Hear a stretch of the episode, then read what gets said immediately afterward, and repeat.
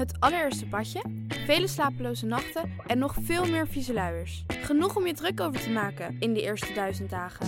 Dan wil je je niet ook nog eens druk maken over wat er in je babyproducten zit. Daarom houden wij het clean en simpel bij Naïef.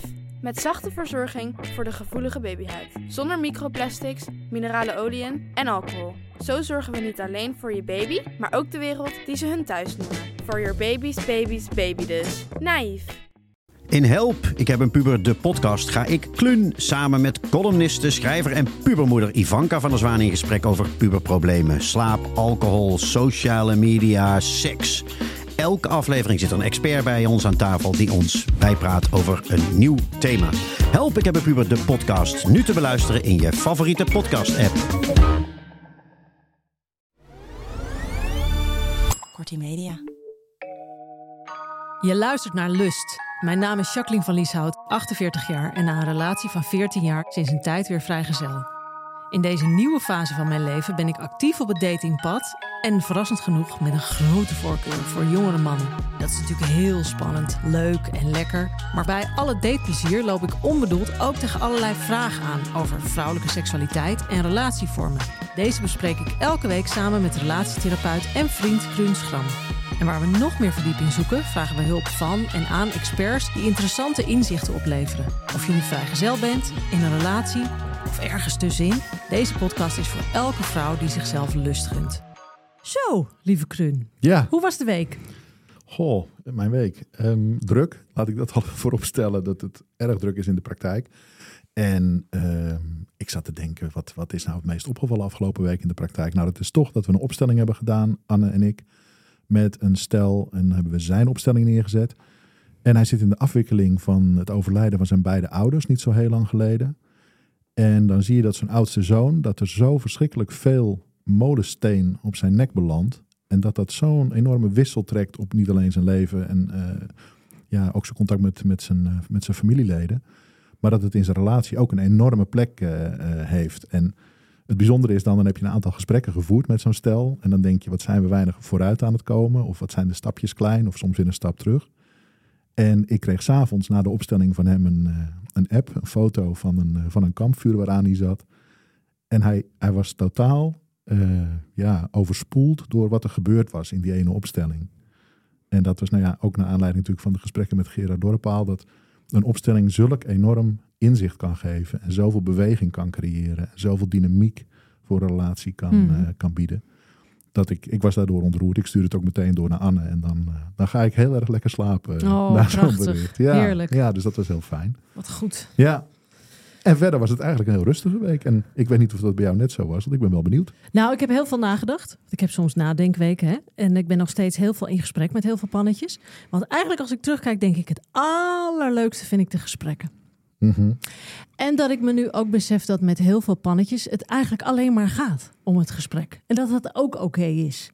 Ik weet dat ik voorheen, toen ik begon met eh, de pannenwinkel, Mhm. toen was ik nog heel erg zo van, er moet afgesproken worden. Dat, dat, want dat is het summum, dat is het. En nu weet ik, sommigen zijn er ook gewoon alleen voor het gesprek. En dat is ook prima. En dat is fijn. En dat ik eigenlijk alleen maar af wil spreken als ik echt denk van dit is echt fantastisch. Dus daar veel, selectiever in geworden ben. En waar ik ook aan moest denken, en dat heeft heel erg met onze gast te maken. Dat ik in mijn hele woeste jaren twintig, die, waarin ik eigenlijk in een bad rosé lag. Niet dag in dag uit, maar wel heel vaak. Dat mijn beste vriendinnetje, dat was eigenlijk een beetje mijn, eh, mijn, eh, mijn eh, bondgenootje. Met wie ik allerlei gekkigheid uithaalde op de speelweide, zoals wij het bed noemden. dat zij een keer voor haar verjaardag, wij schelen drie dagen, voor haar verjaardag kreeg een avond met een gigolo. En dat ze zei, Shaki, zullen we dat samen doen? Maar wij waren toen 25. En dat, ik, en dat ik dacht, oh, ik wil dat, ik wil dat. Maar ik durfde het niet. En, dat er ik van. ineens had- nou, dan denk ik, ja, waarom hebben we dat niet gedaan Ja, gewoon? ja. Omdat daar zoveel... Je denkt, ja, maar wat voor type komt er dan? Allemaal bezwaren en enge dingen. En ja, dus ik, d- daar moest ik heel erg aan denken. En ik dacht ook natuurlijk, zou ik dat nu doen? En als ik het zou doen, hoe zou ik het dan doen? Hoe zou ik dat dan aanvliegen? Ja. En stel je voor, ik bedoel, betaal je dan van tevoren en komt iemand binnen en denkt, oh nee, het wordt het niet. En stuur je dan iemand weg? Nou goed, honderdduizend vragen die er kwamen. Maar bijzonder, Dus- ja. Want ik heb, ik heb zelf in mijn praktijk twee keer een dame gehad die eerlijk opbiechten in de sessie dat ze een, eh, een gigolo voor zichzelf had besteld tijdens een zakenreis. Ja. Dus twee verschillende vrouwen.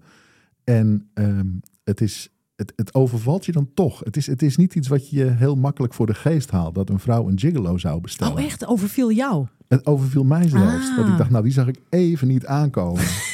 het grappige is, ik ken wel, ik heb in mijn vriendenkring heb ik een, een stel zitten waarvan ik weet dat zij wel eens een gigolo bestellen, omdat zij heel erg houden van een trio met een extra man. Eh, en zij willen gewoon geen gedoe, geen gehannes, geen gezeur. Nou, dat begrijp ik. Dus dan pakken ze een prachtige gigolo waarvan Ja. je weet, eh voordeur binnen, eh achterdeur Ja. eruit. En, en, en mooie momenten waarin hij zijn stinkende best doet zonder gehannes. En dat, dat is een hele positieve ervaring die ik daar ken. Maar dan nog, dan weet je zoiets van, van vrienden. Maar als dat je dan in je praktijk verteld wordt door een dame, dan, ja, dan denk je van, goh, Gek, hè? stoer. Ja, maar ook Daar stoer. zit toch, ja, stoer inderdaad. Ja. Maar er zitten, er zitten een hoop maatschappelijke gedachten in. Dus daarom ben ik ook heel blij. En daarom is het ook ontzettend leuk dat wij een hele leuke gast hebben. Ik heb mijn panzerpak speciaal eh, aangetrokken voor hem. Yves Bonroy, ik zeg het goed. Hij is seks- en intimiteitscoach en werkte voorheen als tantric gigolo. Nou, dames, u snapt hoe ik erbij zit. Een interessante switch, want hoe coach je intimiteit en hoe ziet een sessie er dan uit? Wat kom je tegen? Maar ook veel vragen over het werk natuurlijk, want we willen juiciness als tantric gigolo. Hoe werkt dat in die wereld? Hoe gaat dat? Je merkt het al, honderden vragen. Welkom Yves. Dankjewel. Ja. Wat een mooie introductie. Ja, we hebben ons best erop gedaan.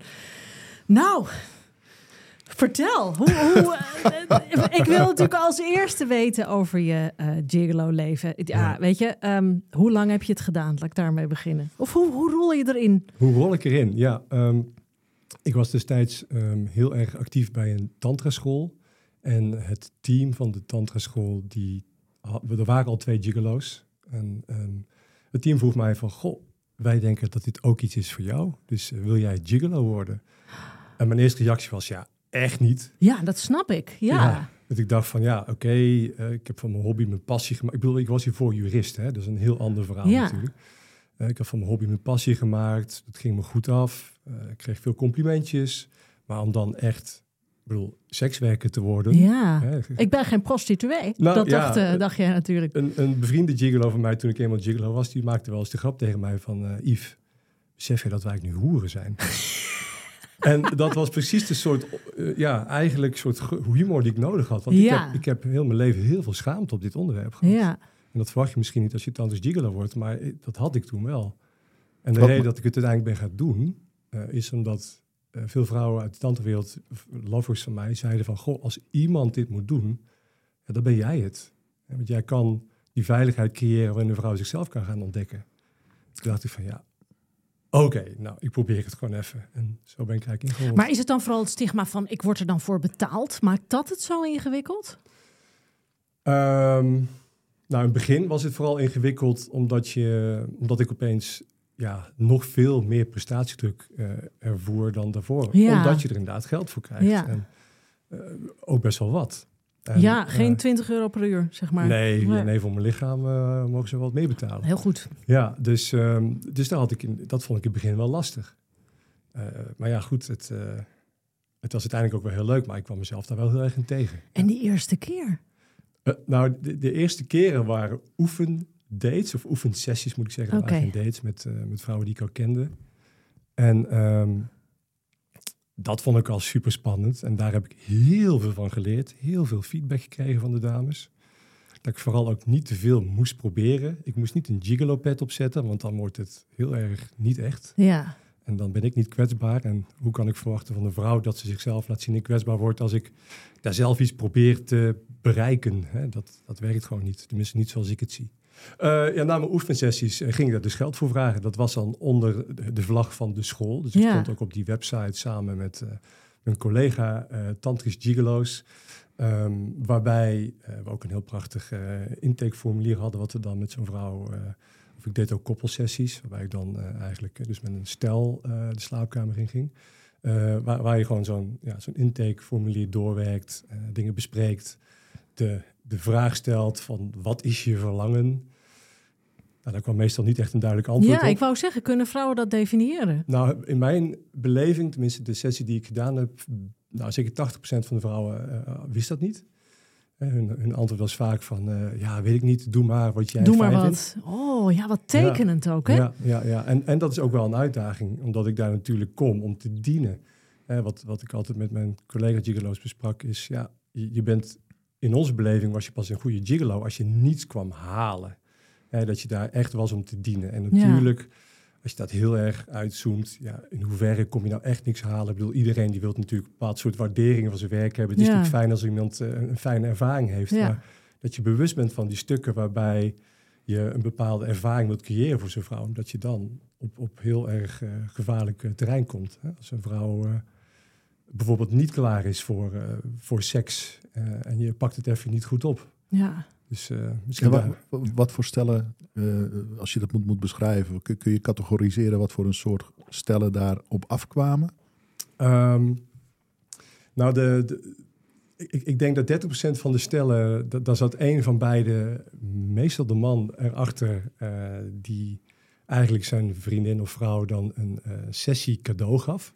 Eh, ik heb al heel snel bedacht van, goh, voordat ik met zo'n stel afspreek, wil ik eigenlijk eerst even een Zoom-intake doen. Eh, om even te kijken of die vrouw daar ook wel zin in heeft. Om even te voelen waar... Ja, dan waar kan ik het me wel voorstellen dat zo'n man denkt, eh, dat is geil, dat gaan we doen. Nou, eerder nog, dat, dat in zo'n gesprek, want ja, ik, ik, zie al in zo'n gesprek hoe ze met elkaar praten, wie voor de ander praat, hoe ze, hè, dan heb ik al een beetje een idee van, ah, ik weet waar die sessie naartoe gaat, hoe de seks eruit gaat zien. Maar dat zo'n man dat eigenlijk ook wel vaak deed, want die dacht van, als ik dit nou aan mijn vrouw geef, dan kan ik daarna ook eens een keer met een andere vrouw spelen. Ja, dus toch uit, uit eigen belang. Da- Daar zat een stukje, Ja. ja, ja, een stukje geheim, eh, ja, daar zat een stukje achter. Maar de vrouwen die jou alleen benaderden, want dat was vooral je klandizie, toch? Eh, een beetje 50-50, denk ik. Oké. Ja, ja. Eh, de vrouwen die me alleen benaderd, dat waren, ja, dat was van alles. Dat, dat waren eh, jonge vrouwen die gewoon eens een fijne ervaring willen hebben. Dat waren ook eh, wat, wat oudere vrouwen die bijvoorbeeld net gescheiden waren van een partner en ja, wel eens benieuwd waren naar iets anders, Ehm, maar ook geen zin hadden om op het datingpad te gaan. Ja, Ehm, ja, en eigenlijk alles daartussenin. Ehm, ik, heb Dus- zelfs, ik heb zelfs een keer een vrouw gehad die, ik heb het uiteindelijk, is dat er niet van gekomen, maar die, die vroeg mij om een gigolo-sessie met haar dochter te hebben van 18. oh my god. En toen dacht ik van, oké, dan wil ik eerst met haar een Zoom-gesprek. En het kan zijn dat ik haar eerst doorverwijs naar eh, iemand anders. Want Oh, ik vind ik niet- heel heftig. ja, want het voelde voor mij ook wel. Ik, ik, kende, ik kende die vrouw wel uit de tantra-wereld, maar ik dacht van, goh, dat voelt wel. Voor ik daaraan ga, eh, ja, dat voelde best wel. Ja, eh, nee, dat begrijp ik. Ja, dat, heb ik ook, dat is uiteindelijk ook niet gebeurd verder. En gaat het altijd om seks? Meestal in de praktijk kwam het daar wel op neer. Ja, Ehm, en voor mij ging het niet altijd om seks. Voor mij ging het eigenlijk om een stukje intimiteit waarin je diep met elkaar verbindt. Heb je dat woord? ja, Verbinden. ja. Ehm, Want dat is natuurlijk de vraag. Hè? Wat is de, Ja. het verschil nu tussen een, een gigolo en een tantrische gigolo? Ja, ja. Als je dat zelf onder woorden zou moeten brengen, wat, wat brengt een tantrische gigolo extra, anders? En dan zou ik eigenlijk eens een keer een gigolo in actie moeten zien. Overigens heb ik dat met mijn vriendin wel eens bedacht. Want die zei van, oh, het lijkt me best wel eens leuk, Yves. Want zij zit ook wel, de intimiteit lijkt ze ook veel, ik ook. Laten we eens een keer een gigolo uitnodigen. We kunnen kijken hoe die het, hoe die het doet. En, ehm, maar, ehm, dus dat weet ik niet zeker. Ik denk in, in de basis is het hetzelfde. Het gaat om sekswerk, het gaat om intimiteit, het gaat om plezier. Ehm, misschien dat je van een tantrische gigolo zou kunnen verwachten dat hij wat meer lichaamsbewustzijn heeft, dat hij wat minder ja, ergens naartoe jaagt om iets te bereiken. Ja, niet Eh, voor de porno, even plat gezegd. Niet voor de porno. Ja. Ehm, ja en, en dus, maar goed, dat is ook heel erg eh, mijn eigen beleving, hoe ik het zelf aanvlieg. Hè. Ik, denk dat de meeste gigolo's niet eh, zullen zeggen, nou laten we eerst even een Zoom-intake doen, voordat we eh, afspreken. En dat wou ik wel. Maar jij, jij had een paar collega's op die school Ja. die dit werk ook deden. Stemden jullie met elkaar af? Of hadden jullie een bepaalde opbouw? Of hadden jullie... Eh, er was een bepaalde opbouw in die zin dat eh, voordat je natuurlijk met iemand echt seks hebt, dat je eh, een vrouw eerst laat wennen aan, aan jou als persoon. Hè? Dus, dus Mhm. voordat ik in zo'n sessie begon, ja, dan heb je eerst een gesprek. En dan vraag je even, wat zijn je verlangens? En hè, hoe houden we het veilig? Voor jou, voor mij. Dat deed ik tenminste. Ik weet niet per se of dat, mijn collega's dat ook deden. En daarna ga je gewoon beginnen met eerst aanraking. Hè? Dus gewoon een soort van massage. Dat ze kan voelen hoe een aanraking is. Dat ze daarin kan ontspannen. Dat ze Hè, dat ze daarin kan zakken eigenlijk. En vandaar kan er dan seks ontstaan. Ehm, de seksuele energie, het spelen met intimiteit, erotiek, verlangen, eh, seks, dat zat er altijd wel in. Of er uiteindelijk penetratie plaatsvond, ja, 9 van de 10 keer wel. En heb je zelf wel eens gehad, heel plat gezegd, dat jij dacht: Oh, ik weet niet hoe ik seksuele aantrekkingskracht kan voelen voor deze vrouw? Ehm,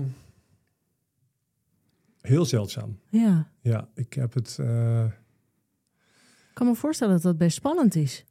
Nou, ja, wat, wat heel, deze vraag wordt me heel vaak gesteld Ja. eh, door vrienden of vriendinnen die zeggen van ja, maar je kan toch niet, je bent toch geen robot, je kan toch Nee. niet zomaar een erectie Ja. krijgen van iemand waar je niet opgewonden voor raakt. Ja. En, en de manier hoe ik seks of, of, of, of aantrekkelijkheid ben gaan zien, is wel heel erg veranderd sinds dat ik nou, ooit met tantra begon, nu als, nou, eh, oh, als gigolo bezig was en nu als, als sekscoach. Het, het, is, het is meer ook hoe iemand zijn of haar seksualiteit draagt, maar ook daarin, eh, zeker in een, in een sessie, ehm, durft ontspannen en, en met mij durft mee te gaan in het avontuur waarin ik ehm, nou ja, meestal iets meer de leiding neem, zodat de ander daar een beetje kan volgen. En als een vrouw dat kan doen, dus, dus het maakt niet uit of ze helemaal open gaat, eh, of ze helemaal alle remmen losgooit of niet, dat doet er niet toe, maar dat ze van relatief, ehm, nou ja, van in het hoofd naar relatief meer in het lichaam kan zakken. Ik weet niet of dat eh, Ja? makes sense. Eh, dat is aantrekkelijk. Dus het is aantrekkelijk dat zo'n vrouw eigenlijk durft vertrouwen. En dat, hè, dus mij eigenlijk ook dat vertrouwen durft geven. Mhm. En daar ben ik natuurlijk ook verantwoordelijk dat ik de kaders veilig hou. Hè, en dat eh, de checks en balances zijn. En ehm, dat, als dat er is, dan vind ik dat opwindend. En dan maakt het eigenlijk niet uit of een, hoe een vrouw eruit ziet. Ja. Sterker nog, ik heb, ehm, ik heb ooit in Istanbul een aantal sessies gedaan, eh, geregeld door een, eh, een, eh, een vriendin van mij daar. En één sessie was met een, een, bekend fotomodel, actrice daar. Ehm, en op dezelfde dag had ik ook nog een sessie met een andere vrouw. Nou, de, eerste vrouw was, nou, zoals je zelf verwacht, een prachtige, Mhm. prachtige vrouw. fysiek, prachtig. Mhm. En de tweede vrouw was wat ouder. die, die, die, die had, een, had iets aan de been, dus die liep ook op een krukken. En ja, die, die, was, die was gewoon wat dikker. En Ja. wat je zou zeggen, minder het schoonheidsideaal wat we gewend Ja. zijn. Maar die tweede vrouw, dus die vrouw op, op krukken, zou ik maar zeggen, die, die kon zich wel meer overgeven. Die kon wel meer loslaten. En terwijl ik met haar in ons seksueel avontuur, eh, als ik daarmee bezig was, dacht ik van wat grappig. Ik word gewoon meer opgewonden van deze vrouw Ja. van dan een fotomodel. ja. En eh, dat. Maar dit is, dus, dit is een heel waardevol punt. Want ik weet nu 100% zeker dat er duizenden vrouwen die luisteren. Die denken, oh, want wat, wat heel veel vrouwen doen... Jongens, ik wil jullie niet allemaal algemeen in een hokje stoppen. Maar heel veel vrouwen denken, ik heb een rolletje. Ik heb een dingetje. Ik heb een littekentje. Ik heb een dat. Ik heb een been. En dan heel veel mannen zeggen... My god, als wij aan het seksen zijn, dan zien we dat allemaal niet, want we zijn aan het seksen. Maar dit is zo belangrijk voor vrouwen om dit te horen. Want wij zijn extreem. En dit is ook helemaal in lijn met wat Kruun altijd zegt: van een vrouw kijkt altijd naar, kijkt wat, naar wat er niet is. En een man kijkt naar wat er wel is. En een man kijkt, denkt op dat moment, dus ik, hè, ik ben aan het piffen. Dus, nou, dat zal hij niet denken, maar. Niet alleen bij het piffen hoor. Nee, maar gewoon bij, aan het seksen. Maar een vrouw Ja. denkt constant: oh, als ik dan maar zo ga liggen, dan valt dat niet op. Of als, weet je wel? En dit, dit belichaamt helemaal dat ding. Dus als je je seksueel kan overgeven en echt durft te genieten, is dat dus mega aantrekkelijk. Ja. ja, dat is het meest aantrekkelijke. Meest is. Het- het- aantrekkelijke. juist dat stuk van willen verbergen of dat een beetje, ja, eigenlijk een beetje Ja. afsluiten, een beetje wegbewegen hè, van, van het moment zelf. Want je bent bezig of in het verleden van, oh, dat ging Ja. niet goed of waar gaat het heen of eh, hij ziet dit. D- dat maakt het minder aantrekkelijk. Ja, Ja, dat is een heel belangrijke les voor vrouwen. Hey Yves, ik bedoel, ik kijk naar een buitengewoon knappe man hè, als ik hier zo naar jou kijk. Oh, dat had ik helemaal nog niet gezien. En dan heet je ook nog Yves Bonroy, hè, de, de mooie koning. Kortom, er komt veel in jou samen. Dan ben je ook nog een tantrisch gigolo. Waren er geen vrouwen die ontzettend verliefd op je werden en je ook echt heel vaak wilden zien, als ze zich dat konden veroorloven? Ehm, ik, ik heb dat, dat stukje ehm, romantische beeld wat ik dan bij vrouwen creëer, heb ik vooral eigenlijk eh, meer in mijn tijd dat ik nog heel veel aan daten was in de tantra scene meegemaakt. Ehm, ja, met gigolo sessies heb ik wel een aantal vrouwen gehad die, wat, die een paar keer terugkwamen. Maar eh, ja, toch beperkt. Of, of in ieder geval zat er heel veel tijd tussen. En eh, ook misschien omdat ik ook na zo'n sessie het ook afrond met een gesprek waarin ik dingen ook duid. Hè, van, hé, wat is er nou eigenlijk gebeurd? Want, want vaak zo'n paar dagen, tot een paar dagen. Een vrouw zei, ja, tot, tot drie dagen na de sessie ben ik eigenlijk verliefd op je. Eh, en dan loop ik rond en dan, eh, dan doen mijn kinderen anders tegen mij. En mijn collega's zijn, en alles ziet er anders uit. En ik voel me zo vrouwelijk. En, en, en het is ook een beetje mijn taak, eh, vind ik, om, om, om even te duiden van, ja, god, ik heb dat misschien in jou losgemaakt. Maar dat is niet iets wat per se aan mij gekoppeld is. Hè? Dat is een stuk van jou waar je, waar je nu toegang tot hebt. En dat we samen ontdekt hebben. Ehm, en, en, dat helpt wel, denk ik. Die inkadering en het heel duidelijk. Van, ja, het is openheid ook. Openheid, ja. zakelijke transactie. Hè, dat, is gewoon heel duidelijk. Ik ga ook niet daarna nog berichtjes sturen. Dat is gewoon klaar. Ja. dat, daar, daar dien ik niemand mee. Laat staan mezelf. Ja. Um, maar ik heb het wel meegemaakt met, uh, met sessies uh, of met, met dates. Mijn ex-vriendin zei altijd van, goh, ik wou dat je wat minder goed in bed was. Uh, want dan had ik dit gedonder altijd niet met al die dates van je. Mooi compliment. nou, ja. En lastig. Ja, het. ja. Het, het, heeft me... Een man zei wel eens van, god, dat heb jij mooi... Ik, overigens, ik ben natuurlijk nu geen gigolo meer. Mm -hmm. maar een man heeft wel eens tegen me gezegd van, ja, dat, dat jij hebt echt de beste baan van de hele wereld. En ik dacht echt van, joh, je hebt geen idee mm -hmm. hoeveel dit me ook gekost heeft om nu te zijn waar ik ben. En hoeveel pijn dat gekost heeft. En mijn huwelijk dat kapot gegaan is. En, um, maar goed, hè, dat is natuurlijk mijn verhaal. Um, dus ja, het is niet alleen maar roze geur maneschijn. Zeker niet. Nee. Ja, Jacques, ik zie jou nu ook kijken van... moet je dan wel of niet een mannelijke gigolo voor jezelf willen? Ik heb een paar goede aanbevelingen hoor, als je het een keer wil uitproberen. Luisteraars. Ik uh, leg dit in de week, deze gedachte. Waar ik benieuwd naar ben, lieve Yves, ja, nog, ook nog, hoe lang heb je het gedaan? Um, op zich niet heel lang. Ik denk iets van drie, uh, vier jaar. Vind ik wel lang. Nou, ja. jaar, ja. Is het niet verslavend? Het geld, de excitement. je zei natuurlijk net al, het heeft me veel gekost. Ik kan me, ik, misschien wellicht onterecht, ik kan me meteen voorstellen dat je ook heel veel in energie kost. Toch heel veel tijd en aandacht besteden aan, toch? Um, de reden dat ik gestopt was, nou ja, die was meerledig. Vooral ook omdat dat moment dat ik dacht, ik, ik stop hiermee, was ook omdat dat een aantal jaar geleden dat de tantrascholen opeens heel veel zwaar weer kregen. Juist omdat er heel veel schandalen naar boven kwamen en, en vaak ook terecht. Uh, en ik dacht van ja, ik ben nu voor mezelf bezig, mijn eigen koppelcursus aan het bouwen. Voor, uh, dat is iets heel anders. Dat gaat ook een beetje weg van de tantra. Ik, ik moet niet meer dit werk doen onder de vlag van. Uh, ja, oké. Okay, dus, dus de overstap naar het werk wat jij nu doet, ja. liep al tijdens je gigoloschap, zeg ja, maar. Ja, ja, zeker. Ja, ja, En wat is het wat jij nu doet? Vertel. Wat ik nu doe, is dat ik nou, koppels, maar ook man en vrouw apart, eigenlijk help met, met intimiteit. Met, uh, met, zich, met hun eigen lichaam leren uh, kennen, ontdekken.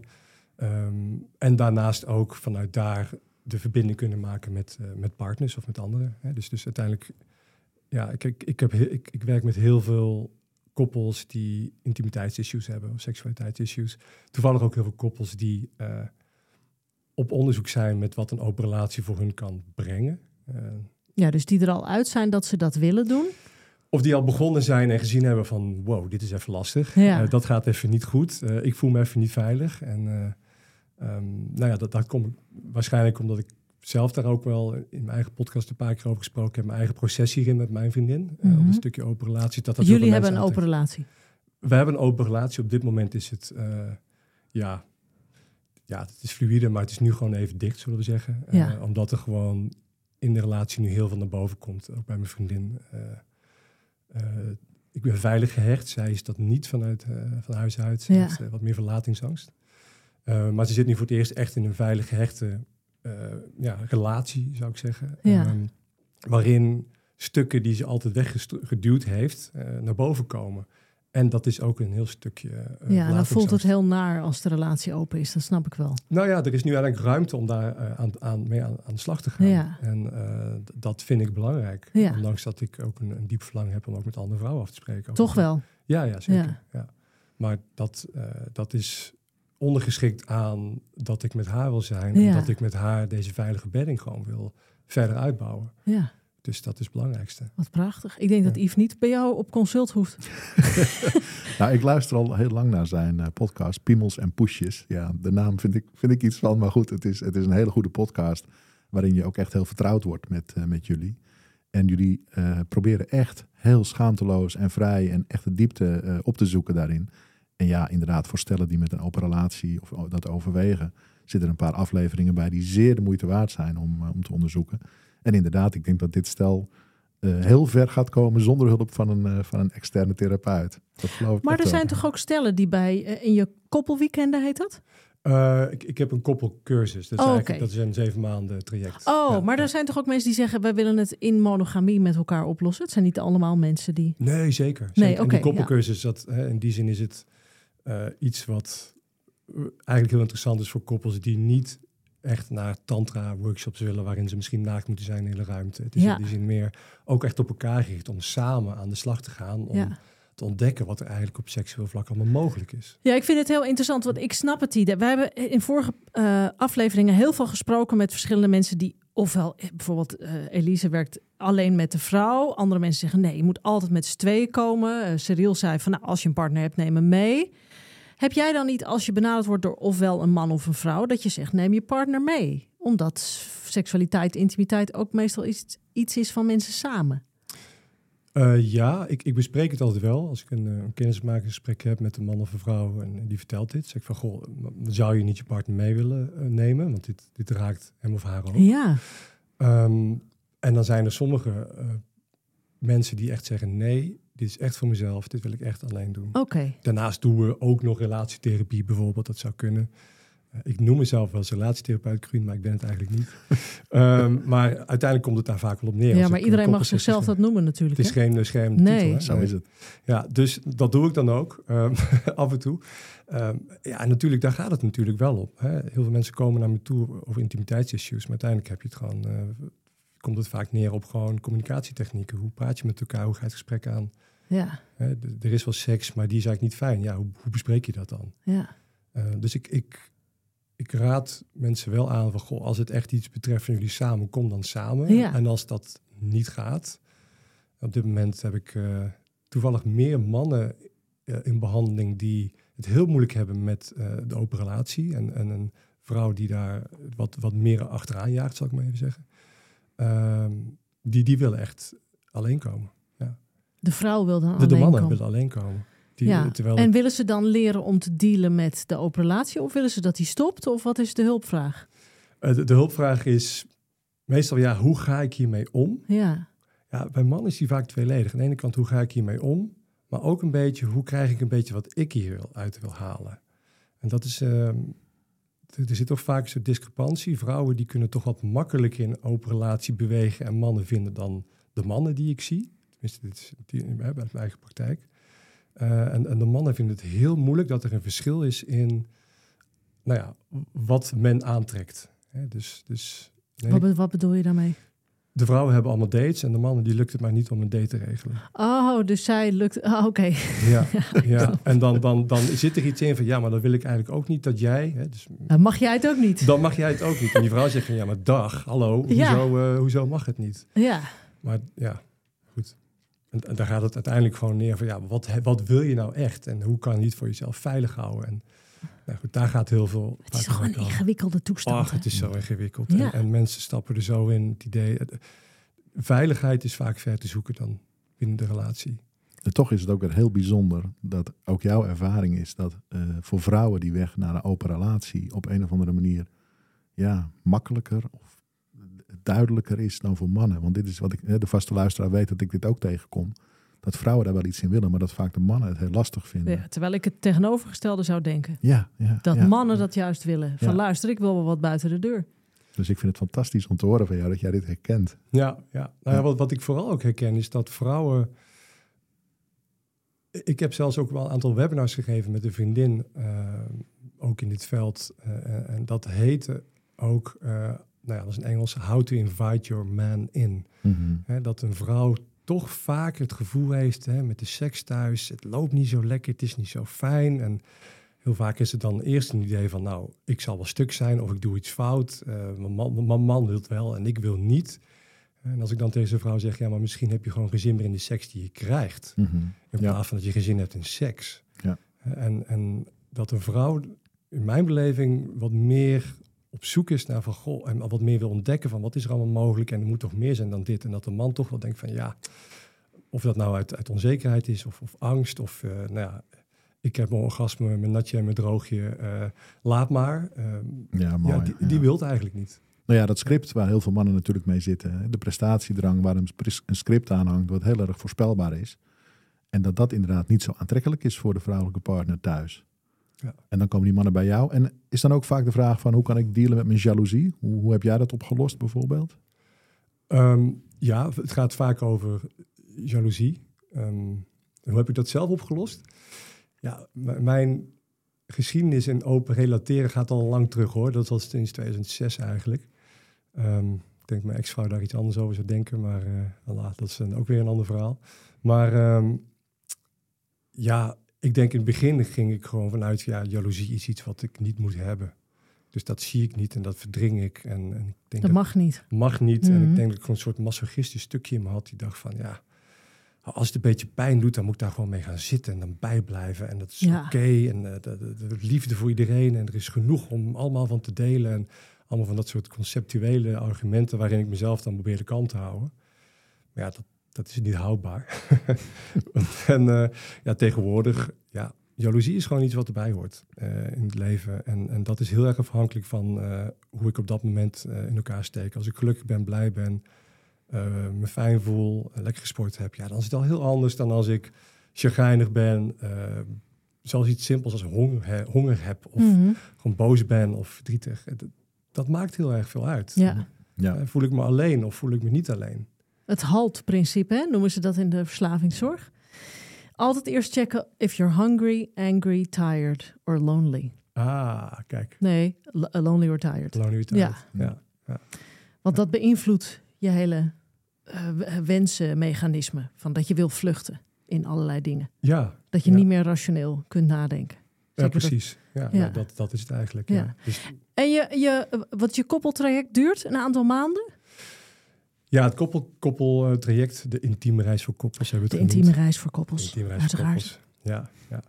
Ehm, duurt zeven maanden. En eh, het is eigenlijk een combinatie van, eh, van date nights. Nou, dat woord heb je ook wel eens horen gebruiken in een van de afleveringen. En date night. eh, waarin je gewoon lekker aan de slag gaat eh, met, met je partner om ja, ook een lichamelijke ervaring op te doen. Hè? Want je kan, je kan lullen tot je een ons weegt eh, over seks en intimiteit en boeken lezen, maar je moet gewoon aan de slag.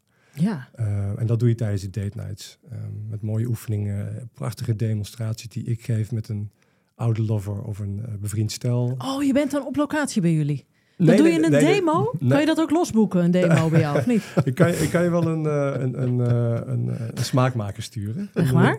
Nou ja, dat kan. Ik, ik heb wat filmpjes die ik. Uh, ik uh, zal je mijn nummer geven. Ja, ja, is goed.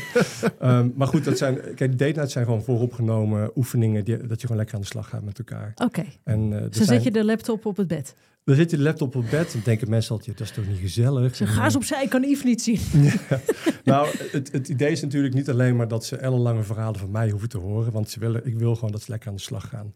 Um, maar we hebben ook gezien, want dit is ook alweer, uh, ik denk de negende editie die nu begint in oktober. Um, dat er ook interactie nodig is voor koppels. Uh, niet interactie als we willen meteen dezelfde ruimte kleren uit, dat niet. Uh, maar uh, hoe het er nu uitziet is dat je elke maand een nieuwe date night krijgt en een online workshop die ik samen met, uh, met Daphne, mijn partner, leid. En dan gaan we met de koppels, met camera aan, maar kleren ook aan, uh, gewoon oefeningen doen en dingen bespreken. En Wat maken leuk. ze eigenlijk klaar voor de date night. Nou, dat vind ik ja. wel leuk, want het is dus niet zo... Oké okay, jongens, jullie, jullie huiswerk is... zet een kaars aan en maak er plezier van. Je geeft echt daadwerkelijk concrete opdrachten. En dat is fijn. Ja. Want ja. veel mensen zitten dan, kan ik me voorstellen...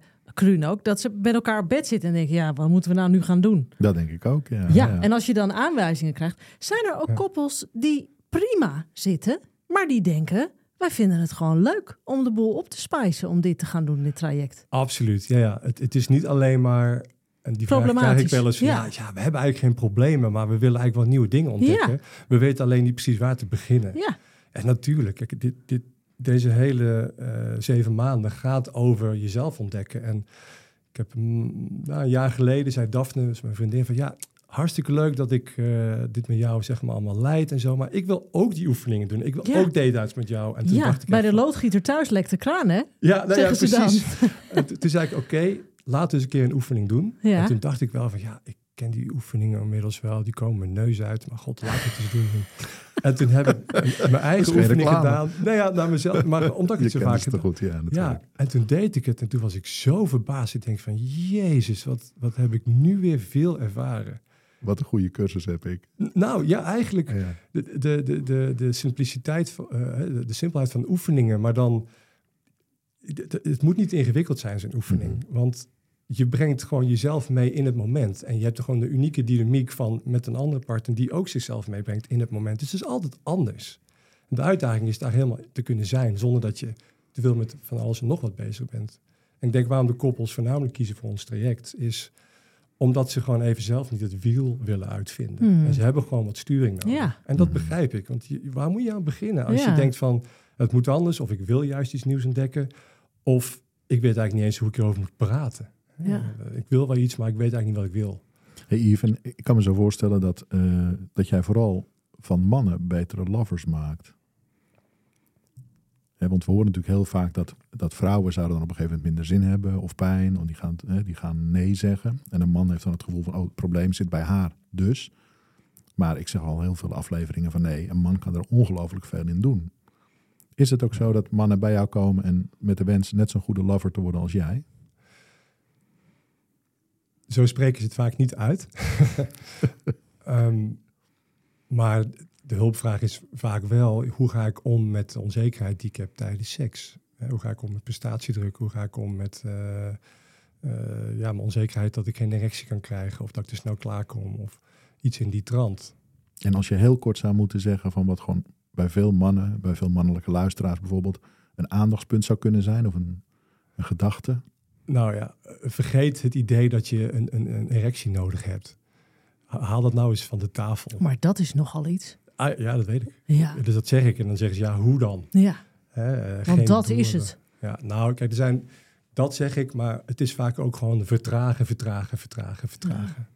Hè, Waar ken ik dat woord van? Ja, geen idee. Nooit gehoord. Nee, nou ja. en, en dan denken mannen, ja, maar vertragen is toch beren saai? Ja. En dan denk ik van, ja, maar alleen maar vertragen is ook niet wat je doet, hè? Maar je moet ook wel eerst even rustig leren gaan, omdat je daarna weer lekker kan versnellen. Ja. En het kan heel rauw worden en het kan ook heel, heel zacht zijn. En als je gewoon, en, en dat denk ik dat dat voor mannen en vrouwen geldt natuurlijk, dat je gewend bent om zoveel prikkels tegelijkertijd te krijgen. Hoe kan je nog voelen wat er aan de hand is? Mhm. Je bent overgestimuleerd en ja, de, de hele nuance, het, het echte verdiepende, dat, dat raak je kwijt. Ik, ik kan prima als een of andere nou ja, wilde viking knetterhard neuken. Rammen. Ja. Rammen, hartstikke leuk, maar beren saai. Ja. Dat, dat, is, dat is zo snel, Ja. zo saai. Ja. Dat is gewoon niet leuk. Dat, dat, dat is misschien, hè, man denken dan zal misschien heel diep, maar het is uiteindelijk hele oppervlakkige, saaie seks. Ja. Dat is echt niks aan. En, maar ja, dat, dat weet je pas als je ook leert vertragen. En dat leer je door hè, meer met erotiek te gaan spelen, meer met verlangen. Maar als je kijkt bij jou thuis dan, hoe lang duurt een vrijpartij? Een, een, een- een, vrijpartij die jullie allebei de moeite waard hebben gevonden. Kun je daar een duur aan plakken? Nou, dat kan ook, dat kan ook een kwartier of twintig minuten zijn hoor. Eh, het is niet dat we altijd eh, kaarsjes aansteken en twee uur bezig zijn. Want we zijn gewoon ook druk en we zijn af en toe ook gewoon heel moe. Tuurlijk. En af en toe willen we ook gewoon lekker Netflix kijken. Dus, ehm, maar we zijn zo goed op elkaar ingespeeld. Eh wij kunnen zo snel de verbinding ingaan. En het belangrijkste wat Daphne altijd zegt, en wat ik ook heel veel vrouwen hoor zeggen, ja, er hoeft niets, Mhm. maakt dat we ook in hele korte tijd dat er heel veel van kan gebeuren. Dus, dus we kunnen hele fijne intimiteit hebben, waar ik wel of niet eh, Ja. m- mijn penetratie heb, eh, wat, wat, wat heel extatisch voelt. En ik hoor je zeggen, dat is omdat we ook heel goed op elkaar ingespeeld zijn. Wij, Ja. wij begrijpen deze taal samen heel goed. Ja. Maar bij stellen die, hè, die vragen omheen hebben of waar het niet zo lekker gaat, daar begint het met vertragen. Dus ook echt meer tijd nemen. Ja. Ja, en het idee dat seks moet gebeuren van tafel, dat is natuurlijk super lastig. Zeker als- Seks als in piffen bedoel jij? Gewoon penis Seks en als, in, vagina seks. seks als in piffen, maar misschien ook oraal of andere dingen. Al die seksuele handelingen, het hangt een beetje vanaf waar de een of de ander eh, wat triggers op heeft. Mhm. Maar gewoon even van de tafel halen. En dat, dat hoor ik wel, hè, meer van Ja. jullie eh, gasten heb ik dat horen Ja. zeggen. Ja. Want, want daar, daar zit gewoon een probleem. Als je helemaal, behalve als het je kink is, als je heel erg gespannen en zenuwachtig bent. Ja, de meeste mensen die hebben dan geen zin in seks. Dat is een vrij normale reactie. Dus dan moet je eerst zorgen dat je ontspannen kan. Mooi. Heerlijk. Ben je ook wel eens uitgenodigd door twee vrouwen? Ehm, niet, niet als gigolo, maar wel... eh, wel ja. op zich, ja. Ja, ja. ja, zeker. Ja. Ja. En, kun je één heel, hele geile herinnering delen? Iets heel juiciers? Ja. Voor als, als afsluiter? Wil, wil je het heel specifiek over twee vrouwen? Of, of nee, iets nee, anders? nee. Of, Anything. eh, Gewoon dat je denkt, nou, dit was echt gewoon buitensporig opwindend. Buitensporen, oké, ja, ik heb er wel een. Maar, maar die raakt ook aan de fantasie van mij. Dus dat zijn natuurlijk de, hè, de allergeilste dingen zijn ook Heerlijk. fantasieën. Dat doen we trouwens in een van de laatste date nights gaan met fantasieën en eh rol, rollenspellen aan de slag. Voor heel veel mensen heel eng, dus die zitten een tegen het einde. zo. Ehm, nee, ik had een verlangen ehm, om... Oké, ik zal het proberen kort te houden. Maar ik merk ook, hè, nu dat ik het ook wel spannend vind om dit te delen. eh, dat zijn de beste. Ja. Ehm, een van mijn verlangens was, of mijn fantasieën was, dat ik als hè, in een rollenspel van een, een, een jongere jongen gebruikt zou worden door oudere vrouwen. Oh, echt waar? En, en, en, Goh. en de, en de Trekken reden we daarachter- weer aan het kortste eind. Ja, nou ja, en, en de reden daarachter was vooral dat als ik zeg maar in mijn seksuele energie kan stappen, maar ik heb daar niet de verantwoordelijkheid over, dan kan ik echt loslaten. Dan hoef ik mezelf niet in te houden, hoef ik niet voor die veilige kaas te denken, want de vrouw zegt, jij moet mij nu gebruiken. Ja. Pak mij. En pak mijn vriendin ook.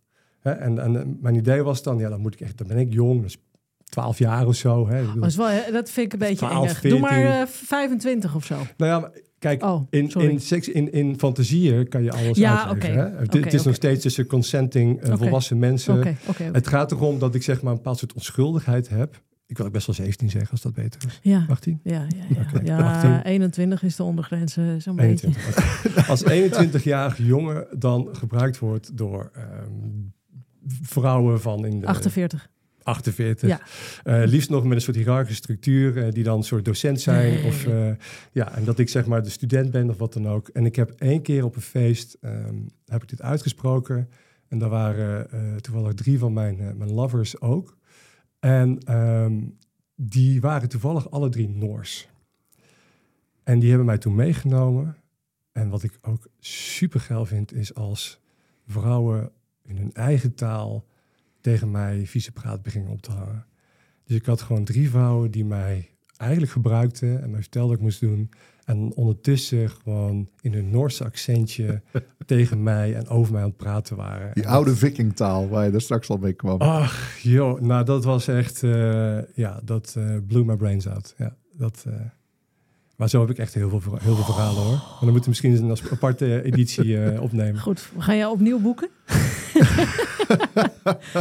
Wat heerlijk. Wat Ja. fijn. Heb jij nog een paar gouden tips voor onze luisteraars? Ja, ik, denk dat er al wel wat gezegd is. Ik, ik denk, Ja, maar voor, maar voor mensen, Ja. ik, bedoel, ik, ik wil altijd meedenken van de mensen die luisteren. Ja. Die denken, oh ja, ik wel, bedoel, sowieso moeten ze natuurlijk, moeten ze, maar kunnen ze allemaal je, de intieme reis voor koppels eh, gaan opzoeken? Dan kunnen ze al zo het adres geven. Maar de mensen zeggen, goh, ik luister dit nu in de auto en vanavond wil ik ja. een start maken samen. Kun je ze iets meegeven? Ehm, ja, als ze vanavond de start willen maken, ja, dan, dan zijn ze dus al klaar om met elkaar in verbinding te gaan. Dus laten we zeggen dat dat gaat. Ja, Ja, dan is het inderdaad ook van, goh, kan je eerst sowieso vertragen als je bezig bent, maar gewoon eens en echt gaan voelen van, wat wil ik nu eigenlijk ervaren? Wat wil ik voelen? Wat wil ik doen? En gewoon eerst ook even het gesprek aangaan van, goh, wat wil ik nou? Wat wil jij eigenlijk? En ja, voor heel veel mensen is dat heel lastig. Dus als ik even uitzoom, je hoeft niet altijd zelf het wiel uit te vinden. En, en of dat nou betekent dat je inderdaad mijn intieme reis doet, of dat je een andere koppelcursus doet, of wat ik vaak stellen hoor zeggen die mijn podcast luisteren. Ja, we luisteren naar een van jouw aflevering, die stuur ik dan aan mijn vriend en dan gaan we het erover hebben. En dat kan ook een manier zijn om het ijs te breken. Dan stuur je- deze door jongens. Ja, ja, want, want dan hoor je gewoon een, een stel, dat is de reden dat we die podcast gedaan hebben, ook eh, heel open en openhartig praten over seks. ja. En, en dat is vaak een hele mooie icebreaker. Ja. dus, eh, dus je hoeft niet het wiel uit te vinden. Zeker als je echt even een beetje vast zit. Ja, dan kan je wel heel leuk doen, denken van, nou vanavond gaan we er tegenaan. Maar dat lukt dan toch niet. nee. En ga dan maar gewoon eerst eens kijken of je, wat kan je doen in ontspanning. En niet denken, we moeten seks hebben. Want Ja, dan ja. gaat iedereen zo hard op slot. Ja, Dat werkt gewoon niet. zo en nu gaan we het doen. Ja, Ja, nu moet het gebeuren. Want vanavond hebben we date night en de volgende dagen kan het niet, want weet ik veel wat. Ja. Ja. 10.000 redenen waarom iets niet kan. ja, Ja, nou, dan kan je er donder op zeggen dat dat niet werkt. ja. Nou, heerlijk. Toch? Ja, weet je, ik ben zo blij dat we toch weer een gast over tantra hebben gehad. Omdat ik, ik hoop dat tantra voor veel mensen ook veel meer de betekenis krijgt van rustig aan, eh, langere lijnen, eh, veel meer verbinding maken. Echt kijken van ja, waar kunnen we elkaar raken op een goede manier. Nou, hoe tantra bedoeld is dus. Hoe tant, nou ja, in ieder geval hoe, het- hoe, het- ja, hoe het wat mij betreft bedoeld zou moeten worden. In Hmm. plaats, en dat we die griezelige beelden ervan afhalen. Ja. Hè, en precies wat Yves zegt, als hij praat, dan denk ik van ja, hè, seks is niet iets wat je doet, maar een plek waar je naartoe gaat. En waar je ook de tijd voor neemt. Weet je, Mhm. ik word er gewoon helemaal ja, rustig van. Ik ook. Het is maandag, hè? Heel rustig. Yves, ontzettend bedankt dat je bij ons was. En voor mensen die meer van Yves willen horen, er is een podcastserie die heet Piemels en Poesjes. Eh, daar vertelt hij samen met Daphne, zijn partner, over eh, ja, hun weg en hun bevindingen. En hij heeft een website voor de koppelcursus. Kunt u daar in ieder geval terecht. Kun je daar in ieder geval terecht. En die vind je onder www.yvesbonroy.com. En Yves Met een Y. is met een Y. V-E-S, dankjewel Jacqueline. Dus Yves met een Y en Bonroy, B-O-N-R-O-Y.com. En dan kun je daar alles over hem vinden. Nou, veel geleerd weer vandaag, Jacques. Heerlijk. Ik eh, wacht met spanning op. eh, wat kreeg ik ook weer een opdracht? Wat krijg je als... Ja, ik kreeg iets van jou. Oh, eh, ik, ik, Een ik, demo. ik De stuur je wel even de link naar de smaakmaker en dan kan je Een een paar filmpjes bekijken. smaakmaker. Nou Ja. jongens, jullie horen mij de komende maand niet meer. Dank voor de inzichten vandaag. Yves, hartstikke fijn. Dankjewel. Krun. Lieve luisteraars, veel plezier de komende week. En maak er iets moois van, want het leven is te kort om het niet te doen.